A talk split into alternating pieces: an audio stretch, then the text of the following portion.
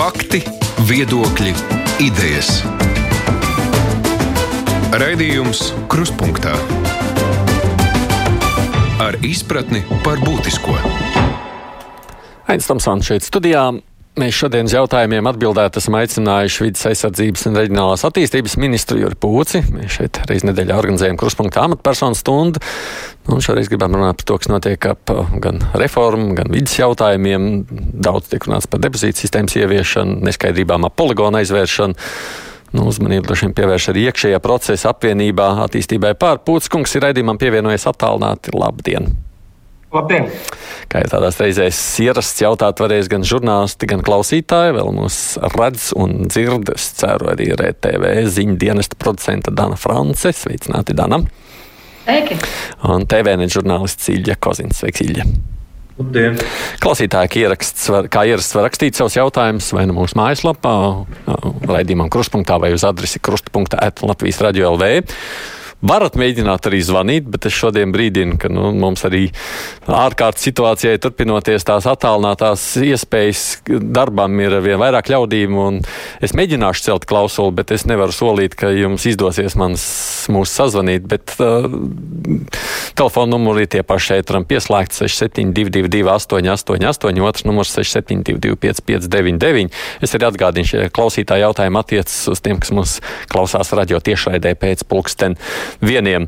Iesākot šo sarunu, es tikai gribu tādu pavisam ievadu jautājumu par valdību kopumā. Tā šūpošanās ap izteikumiem par premjeru un veselības ministri norimusi, jā, cik tālu tagad valdība ir vienota uh, savā darbā, Pūtiskungs. Ne, nu man šķiet, ka mūsu valdība strādā stabili. Uh, visas pazīmes par to patiesībā liecina. Mēs varam pieņemt lēmumus, varam pieņemt ļoti uh, sarežģītus, nemaz tik vieglus Latvijas sabiedrību plaši ietekmējušus lēmumus. Piemēram, par ārkārtējās situācijas izsludināšanu. Eh, un līdz šim nu, nu, tas ir diezgan dabiski. Nu, šī ir piecu partiju, piecu partiju, partiju apvienību koalīcija, eh, kurā uh, viedokļu dažādība vienkārši ir norma. Mēs patiesībā diskutējam daudz vairāk koalīcijas ietvaros, kā kā jebkurā citā koalīcijā Latvijas vēsturē, bet nu, līdz šim mums ir izdevies faktiski panākt vienošanos par visiem jautājumiem, kā skatā tādiem, par kuriem ir bijis liela sabiedrības interese. Un šajā pandēmijas periodā arī spēt pieņemt lēmumus ļoti nu, teiksim, pamatā ņemot. Mēs faktiski esam gandrīz visus lēmumus pieņēmuši vienprātīgi ar dažiem retiem izņēmumiem. Tā kā retorika tā vien ir bijusi. Kolēģi, droši jautājiet, Ilģi, tevi kas prasāms?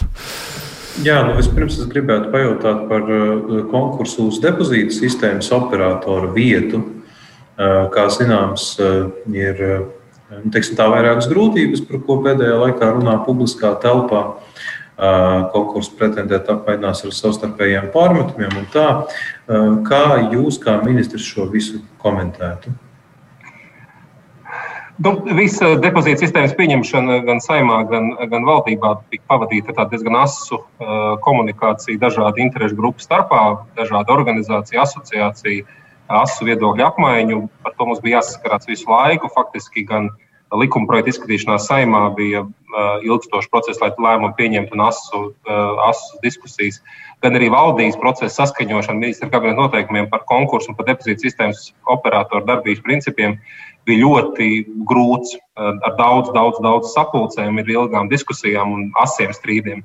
Un, nu, tie pēc tam izrādās, nu, mums bija tāds aizdoms, bet, bet pēc tam izrādās faktiski reflektējas arī tajā faktā, ka ir šajā konkursā, nu, kas ir izsludināts par depozītu, iepakojumu depozītu sistēmas operatoru, ir pieteikušies divi pretendenti. Abi ļoti kvalificēti pretendenti tādā ziņā, ka tur ir spēcīgi um, akcionāri, spēcīgi dalībnieki, kas uh, gan strādā atkrituma saimniecībā, gan iepakojumu depozīta uh, radīšanā. Un, um, Nu, acīm redzot, tā konkurence ļoti asa, es patiešām esmu, nu, es vienu brīdi, pirms apmēram trim nedēļām, dienā saņēmu vidēji apmēram četrus dažādus uh, sūtījumus no abiem partneriem, ko otrs ir darījis nepareizi. Un es uh, Man tā labvēlīgā situācija ir tāda, ka gan likums, gan ministrs kabinets skaidri nosaka, ka lēmumu procesu par šo ir valsts vidas dienestam.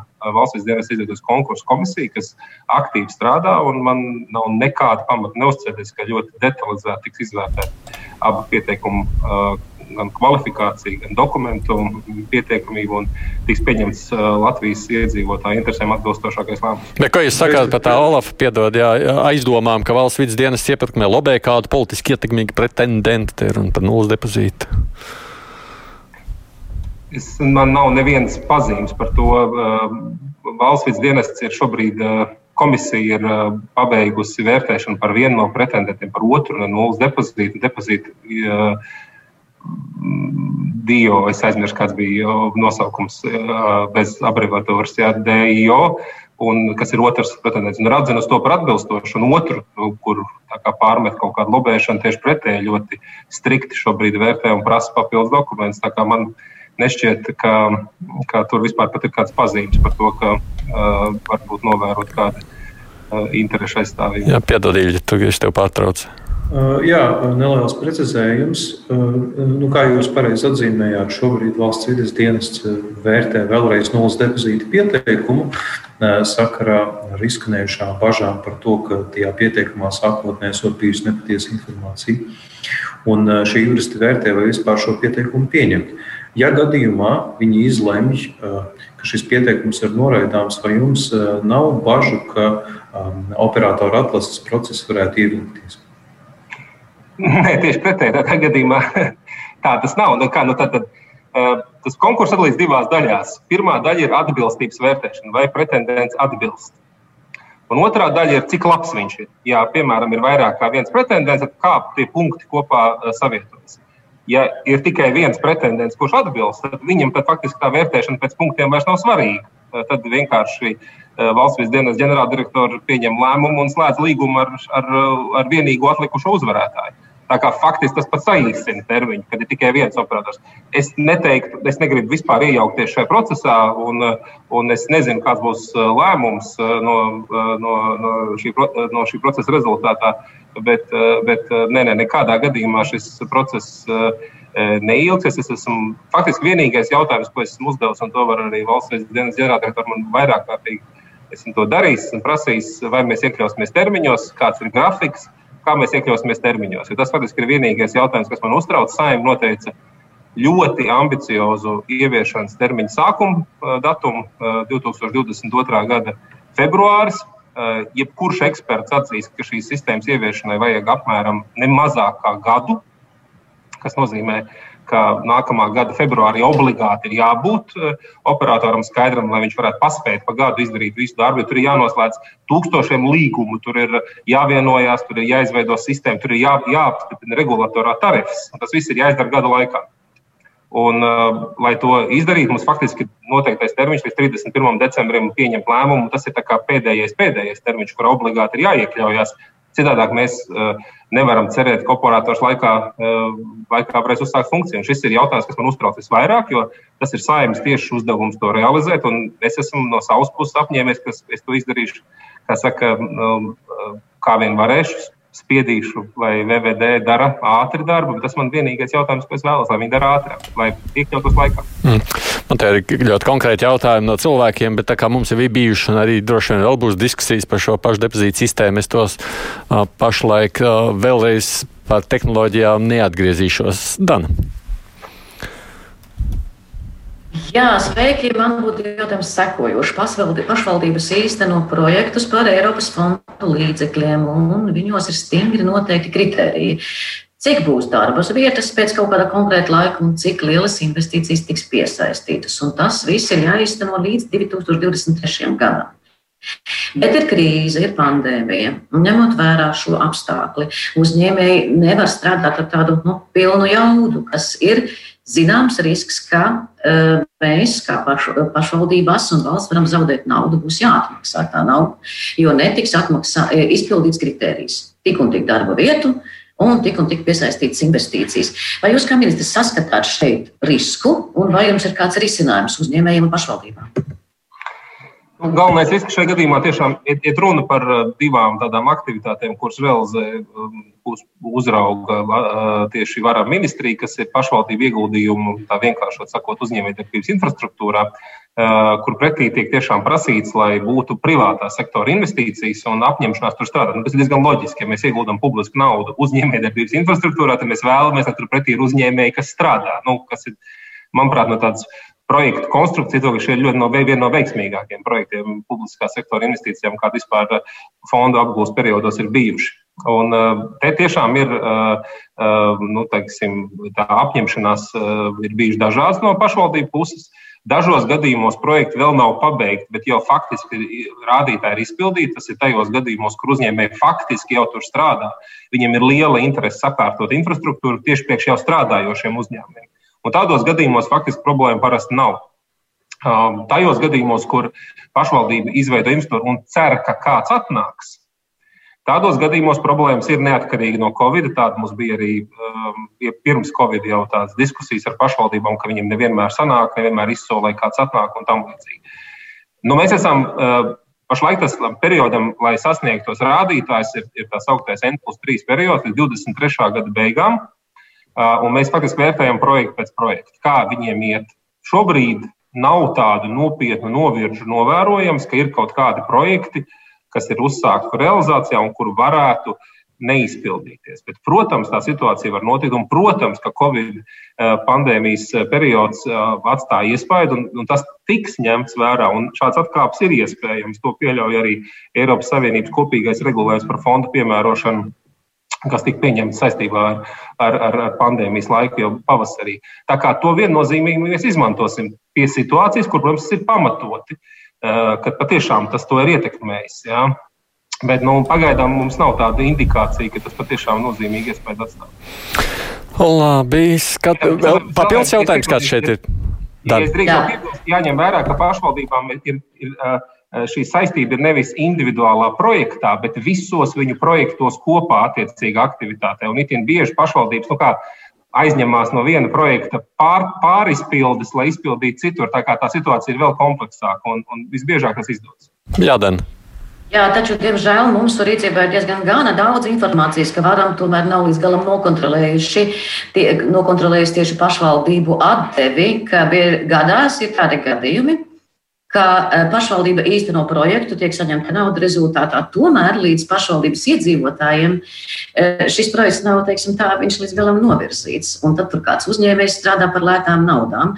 Neminēšu, lai neaizņemtu ēteru plaši un gari, taču tas nav viens vien gadījums. Runa par varam spēju kontrolēt šo te naudas atdevi pašvaldībās.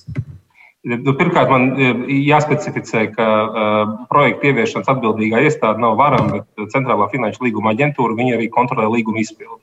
Un viņiem ir darbinieki, kas dodas kontrolēs uz vietām, uh, un tas notiek. Uh, un pārbaudas notiek. Un, eh, ja jums ir konkrēti gadījumi, zinām, kad uh, nu, nav izpildīti projekta mērķi vai rezultāti, es patiešām aicinātu mūs informēt. Mēs esam no fonda viedokļa tā institūcija, kas konkrētu projektu aktivitāti virza, un mēs ar CFLA, protams, kopā strādājam. Ja tādi ir, noteikti informējiet. Mēs pilnīgi noteikti uh, kontroli veiksim. Mēs veicam arī neregulāras kontrolas, mēs veicam arī negaidītas kontrolas.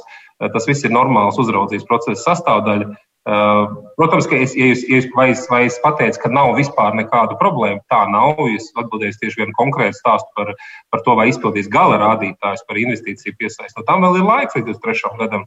Ir arī apņemšanās, pašvaldības raksta, ko viņas darīs, kā viņas panāks to. Nu, tas arī ir faktors, kas mums vēl ir jāņem vērā, ka viņiem vēl ir laiks.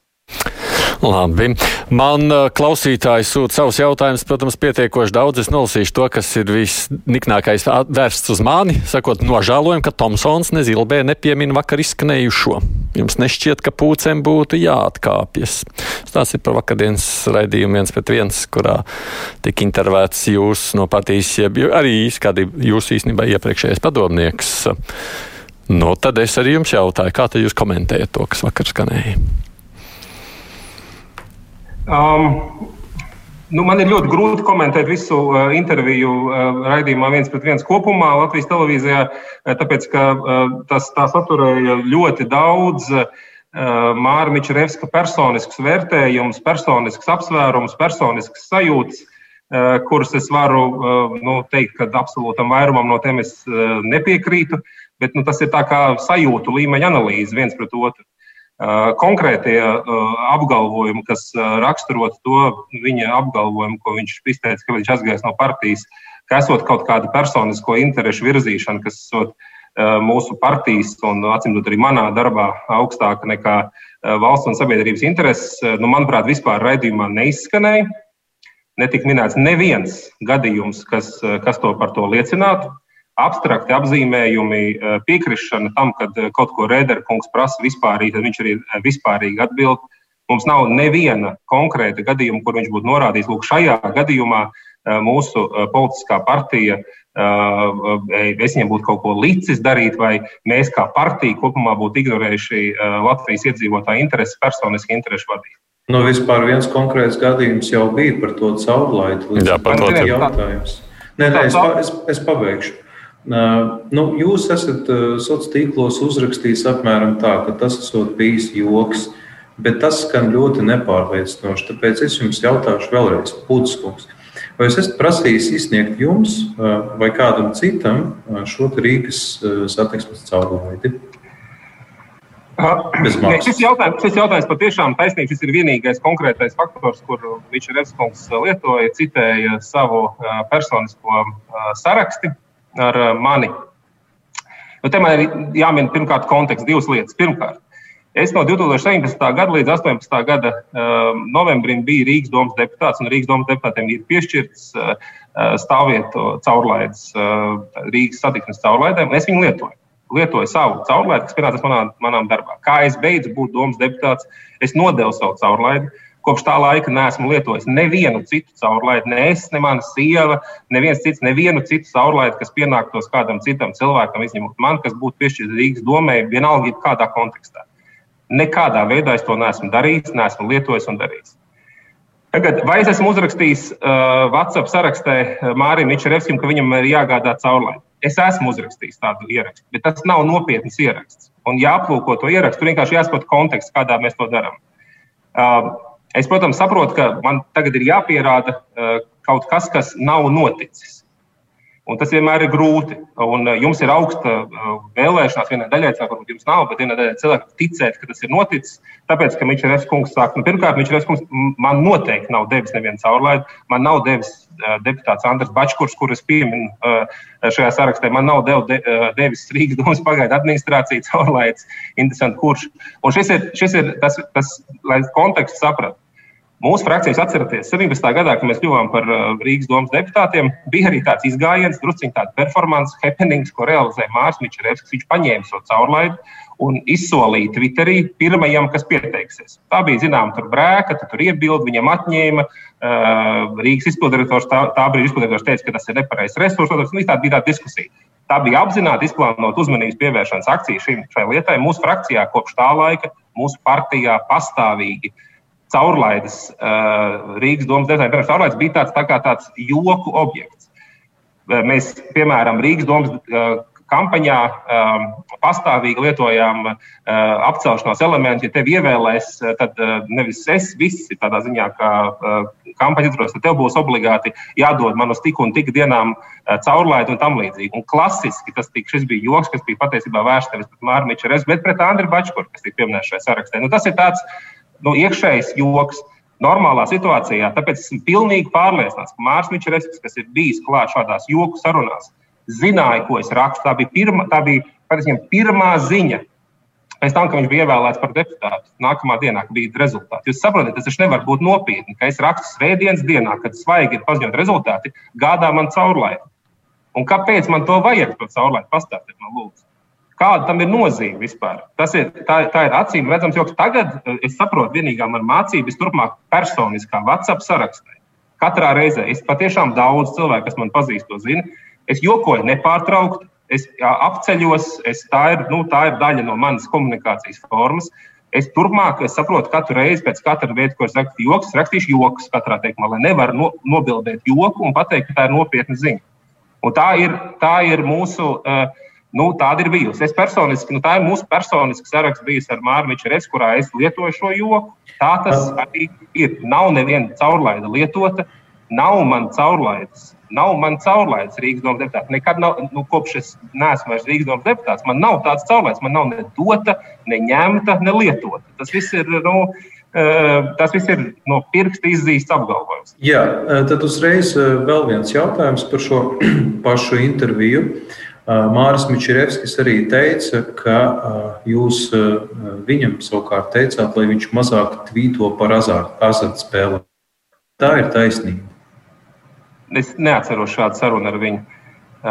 Mēs, protams, nu kā, nu, nu, teiksim, neatceraties, vai šādas sarunas nebija. Tātad 2017. gada rudenī mūsu frakcija nobalsoja citādāk kā domas vairākums, uzskatā, ka lēmumā par Rīgas domas Ušakovs tobrīd nestā lēmumā aizvērt Rīgas centrā azartspēles, ka viņš nav juridiski pamatots. Par to bija liela uh, mediju uzmanība, liela sabiedrības uh, cepšanās, un, protams, tajā brīdī mēs arī koordinējam to, ko mēs komunicējam publiski. Tas ir normāli šādā situācijā. Vai es tajā brīdī viņam teicu, Mārtu, rakstu par daudz? Ļoti iespējams. Es neatceros tādu sarunu. Uh, tam nav nekāds sakars ar to, ka viņi kaut kādā veidā uh, ierobežo azartspēlēm. Mārs Mičerevskis pieņēma lēmumu pats komitejā nobalsot pret šiem lēmumiem, pirms bija frakcijas lēmums par to, ka tā ir jādara. Tas bija viņa pats, pašam, paša pieņemts lēmums pirms visa. Tā kā es nevaru teikt, ka viņš bija kaut kāds azartspēļu atbalstītājs vai apkarotājs, jebkurā veidā. Jā, bet jāsaka, ka pēdējā laikā par jūsu partijas darbošanās stilu, kas maigi izsakoties no malas, nu, neizklausās īsti tā labi.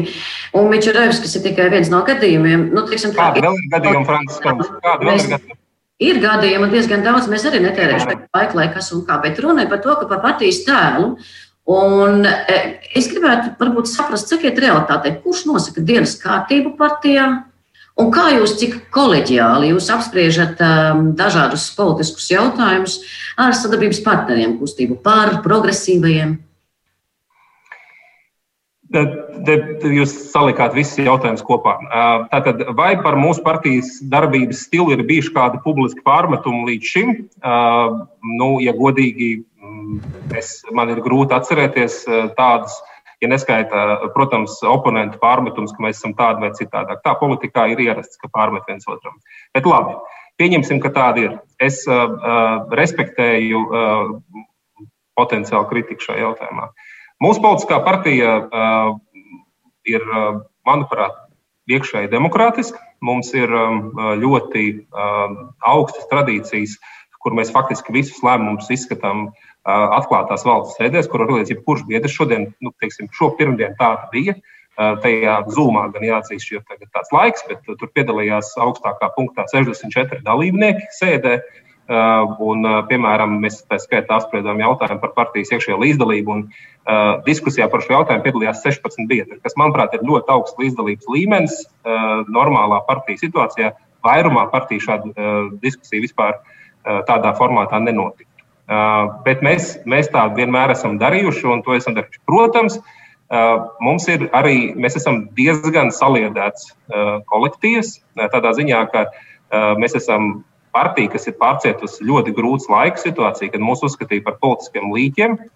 Mēs esam izgājuši tam cauri, un šajā periodā mums ir bijuši līderi, kas mūs kopā iekšēji partijas biedri, kam ir augstāka uzticība, kā, kas to arī norāda. Nu, pat kā mums bija kongress, mums kongresā notika valdes vēlēšanas delegāti varēja balsot par vairāk kā par nu, līdz 14 kandidātiem. 14 valdes locekļi mums ir uh, bez valdes priekšsēdētāji.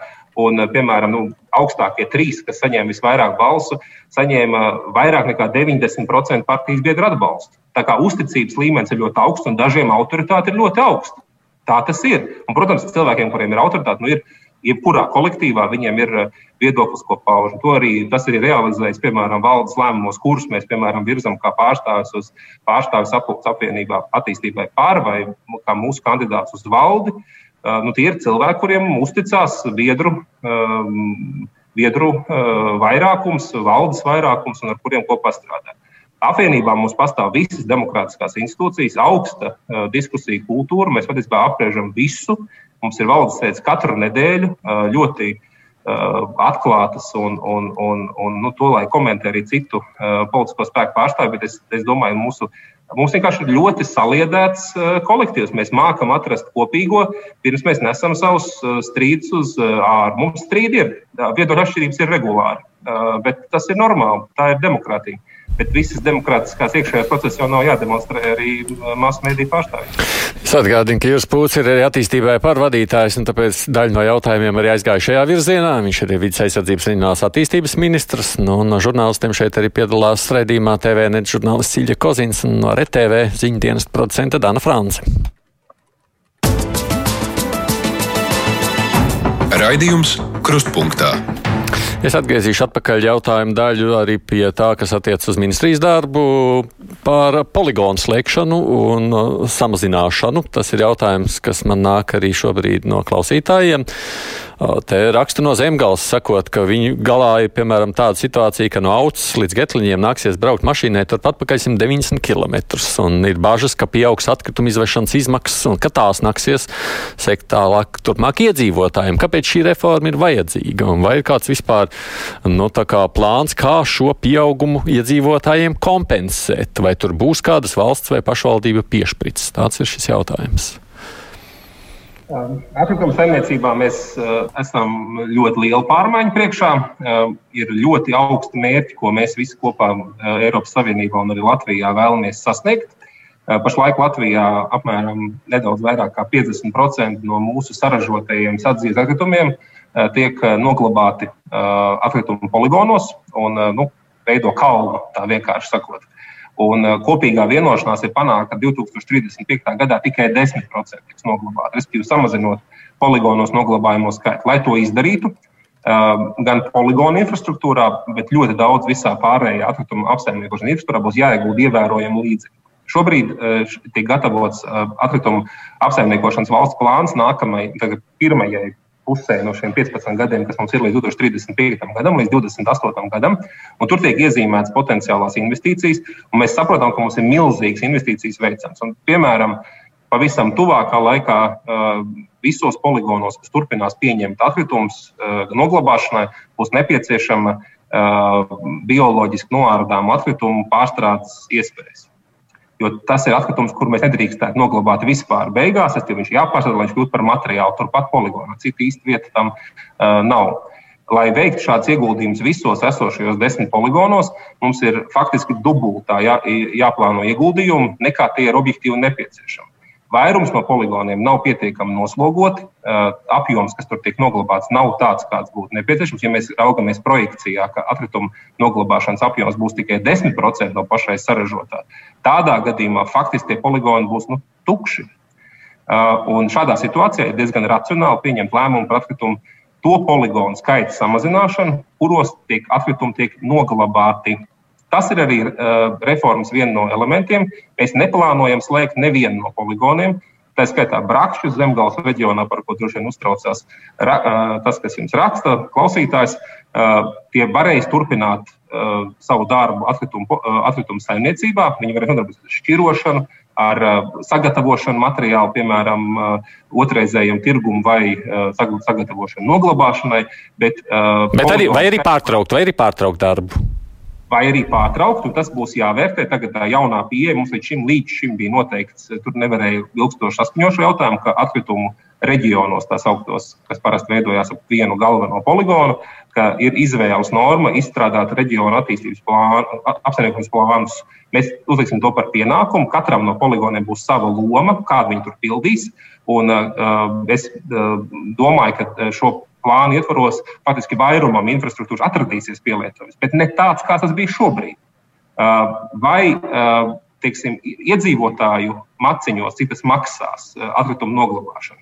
Nu, te ir jāsaprot, ka pie šāda mērķa, ka 10% tikai tiks tik noglabāti atkritumu poligonos, mēs, mums, mums ir ļoti strikti jāturpina esošā politika, kur mums ir jāatbrīvo no maksājumiem, pēc iespējas atbrīvo no maksājumiem šķirotie atkritumi un aizvien tādā veidā motivējot iedzīvotājus šķirot, respektīvi, lai viņiem tas faktiski ir pavēlti vai par ievērojumu samazinātu maksu.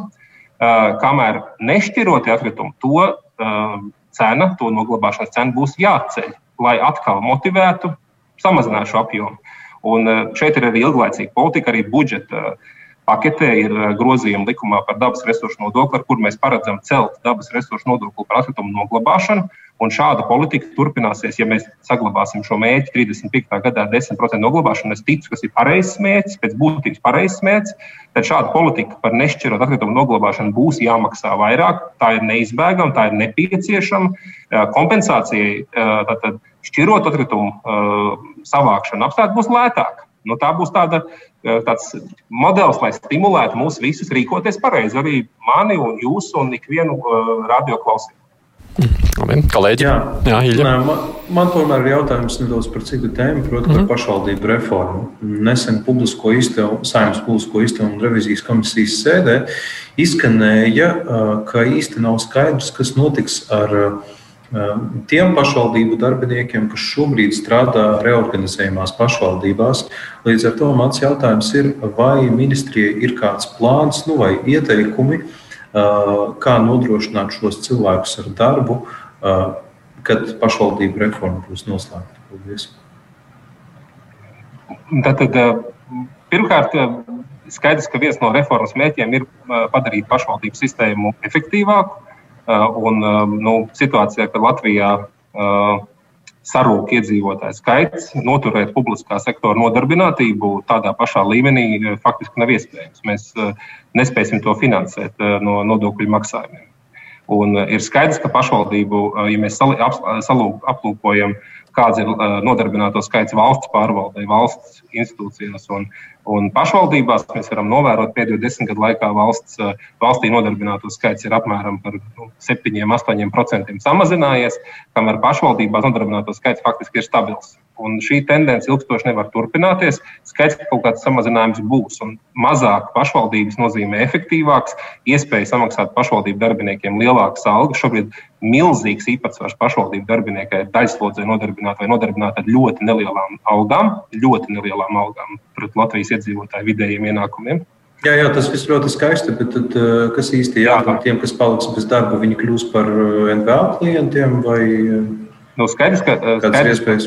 Arī, arī šobrīd pašvaldības eh, mēdz reorganizēt iestādes un, un darbinieki tiek atbrīvot. Protams, ka eh, ir svarīgi, lai būtu aktīvi nodarbinātības pasākumi cilvēkiem iespējas pārkvalificēties. Kas ir būtisks problēmas, tāds absorpcijas elements.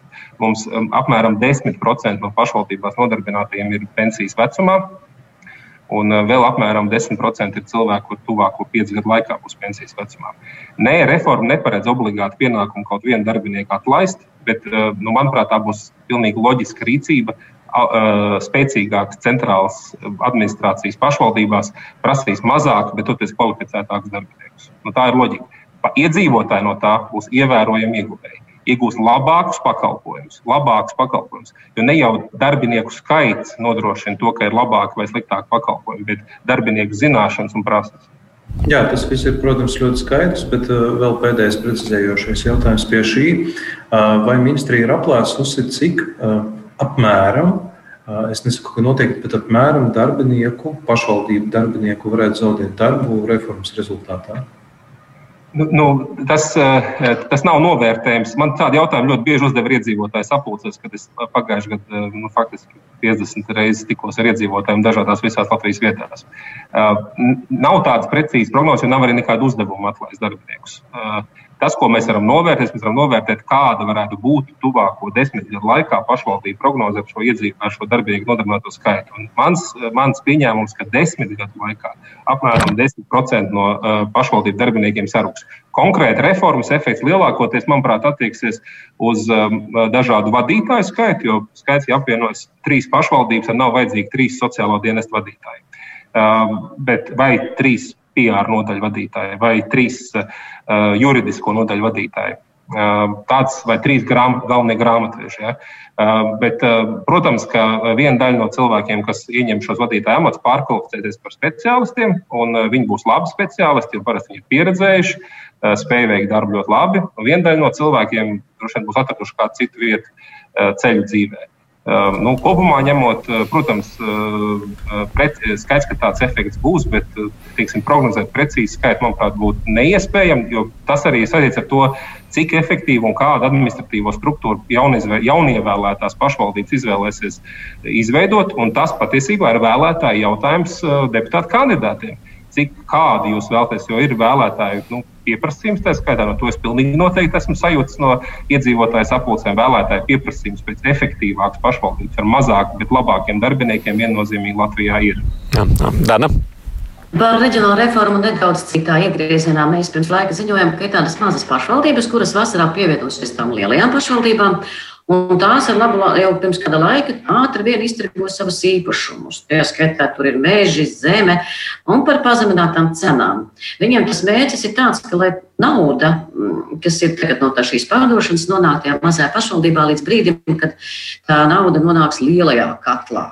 Baidoties, ka nu, teiksim, tā mazā iela netiks izremontēta un tam līdzīgi. Un mēs arī zinām, ka varam ir saņemtas pat sūdzības par šo te. Vai ministrija pirmkārt spēja sekot līdzi, ko dara mazās pašvaldības ar tādiem būtiskiem nekustamiem īpašumiem kā mežs, zeme, un vai jābūt arī kādai rīcībai? Nu jā, nu pirmkārt, tas, tas patiešām ir mūsu rīcībā esoša informācija, un, un uh, mums arī faktiski mēs to prognozējām. Uh, tā ir, uh, diemžēl, viena no iepriekšējās reformas mācībām 2009. gadā. Diemžēl šeit ir novērojama tāda attieksme, ka pēc mums kaut vai ūdensplūdi. Un, um, tādi gadījumi ir bijuši. Ir viena pašvaldība, kas beig beigās pārdeva visu savu mantu, pat pagastu māju, uh, un iznomāja pašu no tā jaunā pircēja, ka tik būtu viss izpārdots. Lai pret to mm, tā, ierobežot šo vēlmu tā darīt, pagājušā gada budžets, kad tika pieņemts, tika noteikti ar normu, ka mm, visām pašvaldībām, ja tās vēlas pārdot ir zināmas summas, savus īpašumus vai iznomāt. Viņiem bija jāsaskaņo līdz brīdim, kad tika pieņemts administratīvas teritoriālās reformas likums, jāsaskaņo šie uh, darījumi ar varam ministriju. Uh, mēs izveidojām procesu, kā tas tika uh, vērtēts. Nu, apmēram 40% gadījumu mēs nesaskaņojām. Īpaši tādos gadījumos, kad, piemēram, pašvaldība pasaka, mēs pārdosim mežu tāpēc, ka mums ir jāsadz kārtējie pašvaldības izdevumi. Ja, protams, ja ir jāveic kāds investīcija projekts, tas nav nekāds brīnums. Pašvaldības itin bieži pārdod īpašums, lai investētu. Tas nav arī nekas slikts. Nu, tādā ziņā tā ir normāla saimnieciska darbība. Pašvaldībai ir tiesības uz to arī no pašvaldību likuma. Pēc tam, kad tika... cenām, tas ir būtiski. Tas ir būtiski zemākas cenas, un te ir runa arī par iedzīvotājiem, jo šī nauda taču tomēr ir iedzīvotāja nauda. Protams, tā ir mūsu visu kopīga manta. Un tas, kas attiecās savukārt uz kopš likums ir pieņemts, noteiktā kārtība ir, ka šādus darījumus eh, tagad ministrija vairs nesaskaņo. Tagad to nodarbojās apvienotā pašvaldību finanšu eh, komisija, ko veido eh, visi apvienojamo pašvaldību vadītāji. Viņiem ir nu, jā, jāpieņem šis lēmums, jāsaskaņo. Jebkurā gadījumā, ne, nu, tātad, eh, ja eh, mums ir bijuši gadījumi, kur mums ir aizdomas, kur raksta iedzīvotāji, mēs aktīvi vēršamies, mēs pieprasām paskaidrojumus no pašvaldībām, tādas esam saņēmuši daudzus. Mēs esam aicinājuši apturēt izsoles, un tas arī ir noticis vairākās pašvaldībās, eh, šādas rīcības, kur bijuši aizdomīgi gadījumi. Bet, protams, objektīvi runājot, nu, tas lielākoties šobrīd mēs esam devuši šo iespēju kontrolēt, nu, kā lai to pasaka, lielākajām pašvaldībām, tās, kas būs apvienotās pašvaldību centri, ir šādas šobrīd visi rīki viņu rokās, lai nepieļautu šādus gadījumus. Un tā ir arī viņa atbildība vēlētāju priekšā, ja viņi to dara. Jo faktiski vairumā gadījumu pašvaldībām, kas ir lielākās un būs potenciāli administratīvais centrs, viņiem ir vairākums tajā finanšu komitejā. Viņi var nobalsot vieni paši, un ja viņi nebalso, viņi var viņi aptur jebkuru darījumu. Man ir ziņas par to, kur ir gadījumi, kur ir kaut kāds iekšējs norunas apmēram vienam otru netraucēt. Tas, manuprāt, ir skumji. Um, tāda bezatbildīga rīcība. Es zinu par ļoti daudziem gadījumiem, kur pašvaldību komitejās nesaskaņo darījumus, nepiekrīt. Un, tā. un atkal, te nevajag vispār mest pār vienu kārtu. Vēl vienreiz, es, es, es ne, pats par sevi fakts, ka pašvaldība kaut ko pārdod, bet tā ir regulāra darbība. Tāpat tās kā pašvaldības regulāri kaut ko arī pērk. Tas, tā, tā ir normāla darība. Pašvaldībai ir tāda ne, līdzīga kā valsts. Nepieciešamība tā rīkoties, lai nodrošinātu uh, savu funkciju izpildi. Par pazeminātām cenām likums nosaka procedūru, kā tas ir jāveic. Ja tā procedūra nav ievērota, un mēs tam sekojam, protams, lielākoties gadījumā, kad tam pievērš uzmanību, ne jau mēs nevaram pārbaudīt katru, katru darījumu iepriekš. Pašvaldības ir pašvaldības, nevis ministrijai padots iestādes.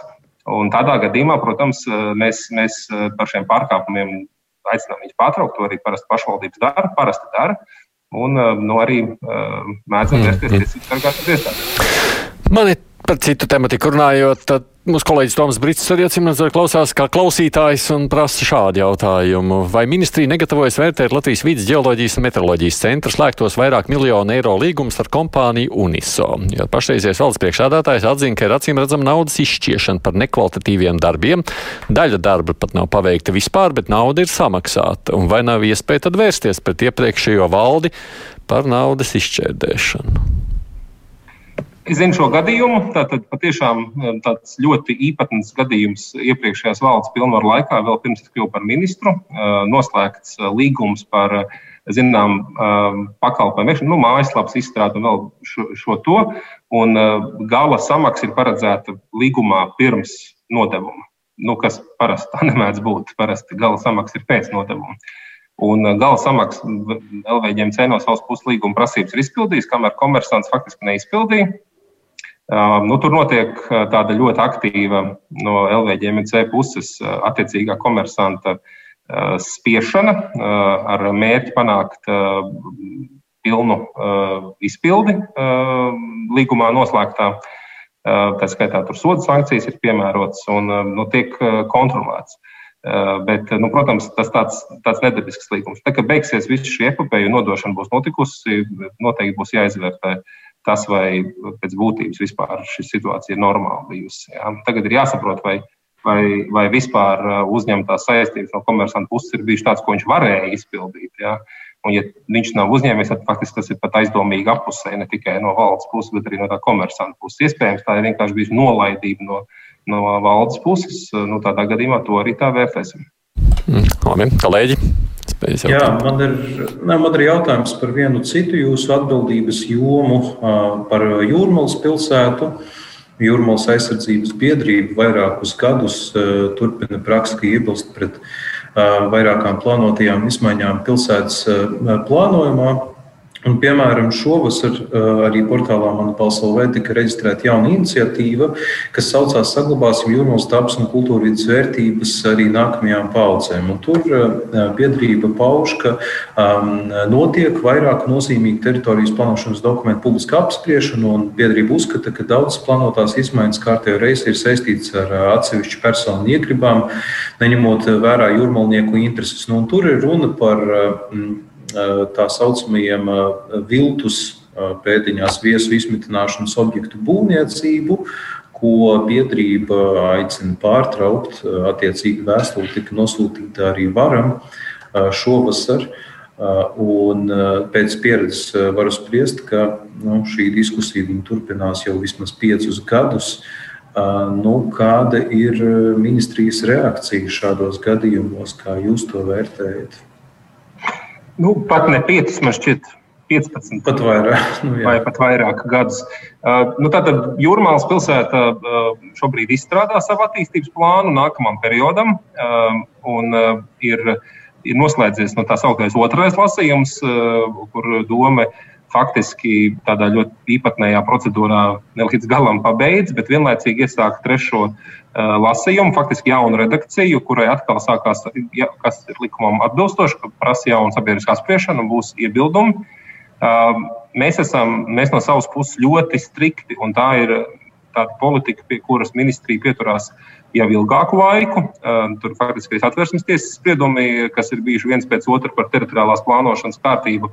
Mēs ļoti strikti pieprasām lai uh, tiktu ievērot pilnīgi precīzi procedūra, tā skaitā attiecībā uz sabiedrisko spriešanu un iedzīvotāju iz, uh, iesniegto ierosinājumu izvērtēšanas kārtību.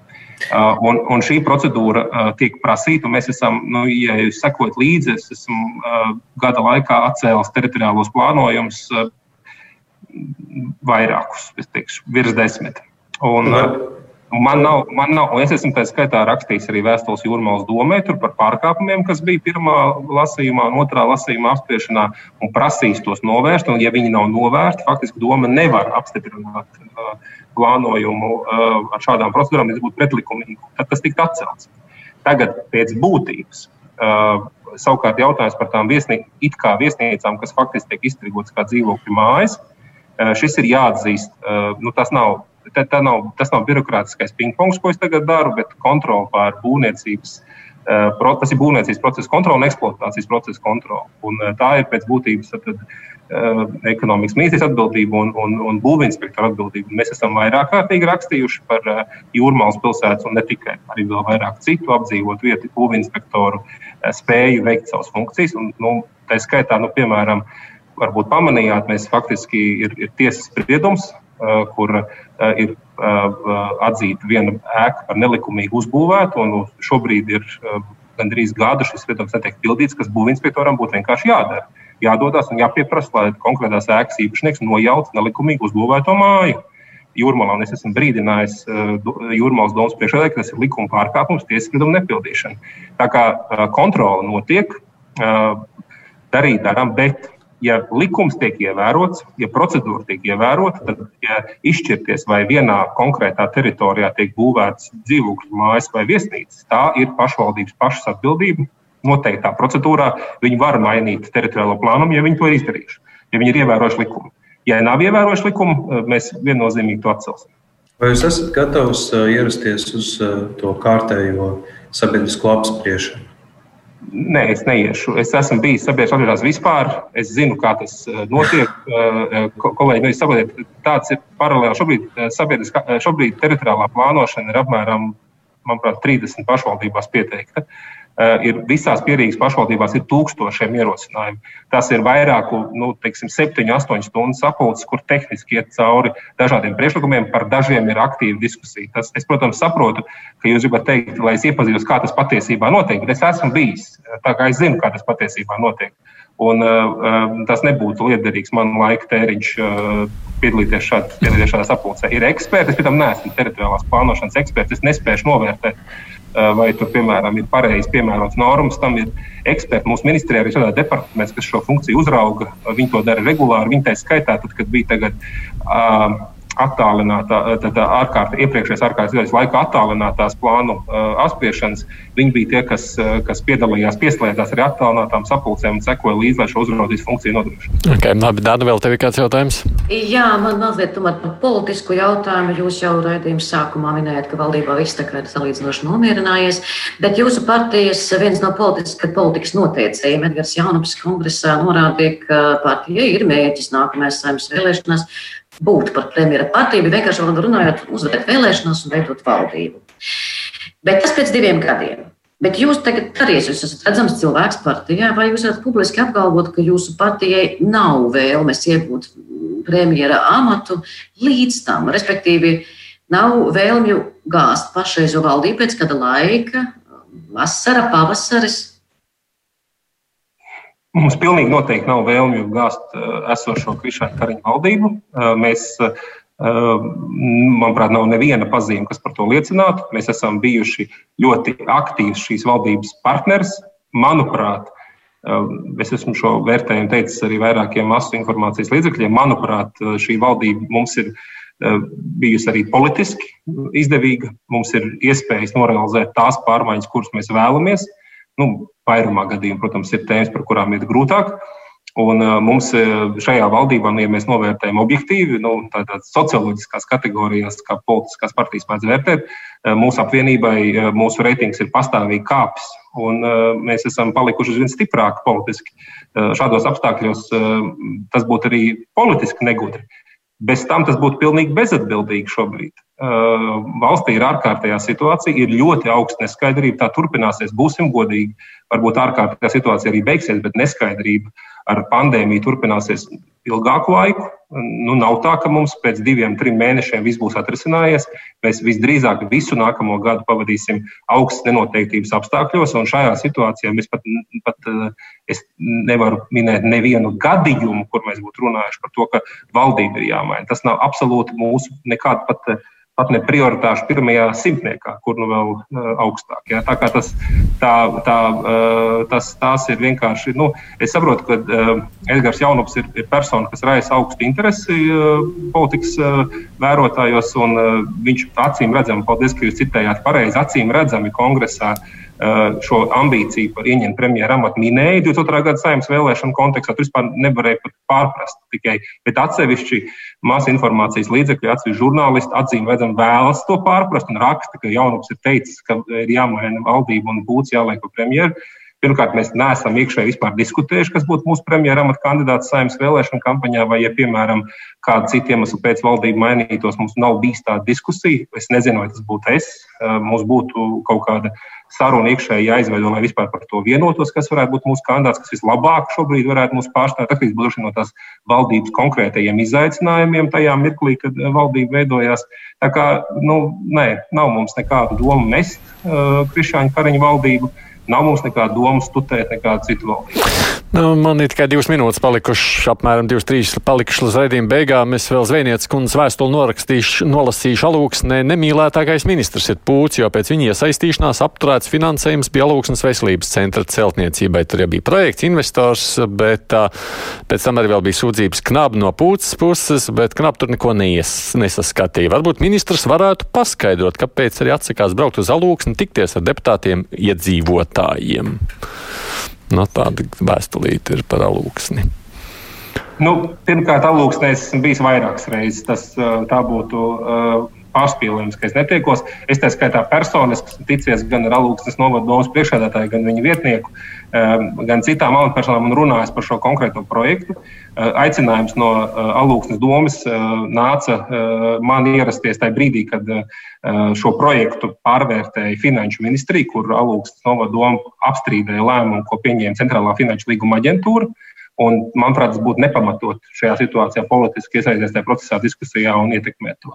Konkrētā lēmuma par līgumu neslēgšanu pieņēma Centrālā finanšu līguma aģentūra, bet jā, mūsu ministrija, tie ir eksperti, nevis jūras pūce, rekomendēja šo projektu neatbalstīt pārāk augstu finanšu risku dēļ. Konkrētais projekts paredz par 10 miljoniem alūksnei būvēt spā centru uz privātas zemes, kas nav pat iznomāta pašvaldībai, bet nodot uz zināmu laiku lietošanai. Un šajā spā centrā, pašvaldības īpašumā, atrast nomnieku, kas maksātu atbilstoši biznesa plānam. Es tagad vairs neatceros summu precīzi, bet nu, tūkstošiem eiro mēnesī par nomu, par objektam, un uzņemtos saistības uzbūvēt 3 miljonu vērtībā viesnīcu klāt. Un tas viss atkal notiktu uz šīs pašas privātās zemes, Un eh, pieteikšais investors, kas uzvarēja alūksnes konkursā, bija uzņēmums, kas bija dibināts vienu dienu pirms konkursa dokumentācijas iesniegšanas, kurā īpašniek, kur īpašniece un valdes locekle nebija patiesā labuma guvēja nevienā citā uzņēmumā, un kurai nevienā uh, datubāzē neparādījās nekādi citi vērā ņemami īpašumi, kas apliecinātu to, ka viņi varēs kaut vai, nu, ja viena banka prasa kaut kādu personisku līdzdalību, kuram komersantam viņš ņem kredītu, mm. bet nekādu pazīmju, ka viņš šī kundze varētu paņemt 3 miljonu kredītu, plus uzņemties saistības tūkstošiem eiro mēnesī maksāt par spā centru uz privātas zemes, vēl par nezināmu īri par mm. zemes lietošanu. Man liekas, ka jūs esat atbildējis jau uz šo jautājumu pietiekoši. Man jābeidz. Ir aizsardzības signāls attīstības Paldies. ministrs Juris Pūcis. Paldies jums par iesaistīšanos raidījumā. Dana Frants no RTV ziņdienesta un TVN žurnālists Cīļa Kozins. Paldies jums arī. Rīt kurspunktā runāsim par situāciju, par aicinājumiem neievērot epidemioloģiskās prasības, vai tur vajag kāda atbildība par to ieviest. Tādas diskusijas arī tiek rosināts saimē. Procenti Junām studijā Aits Tamsons.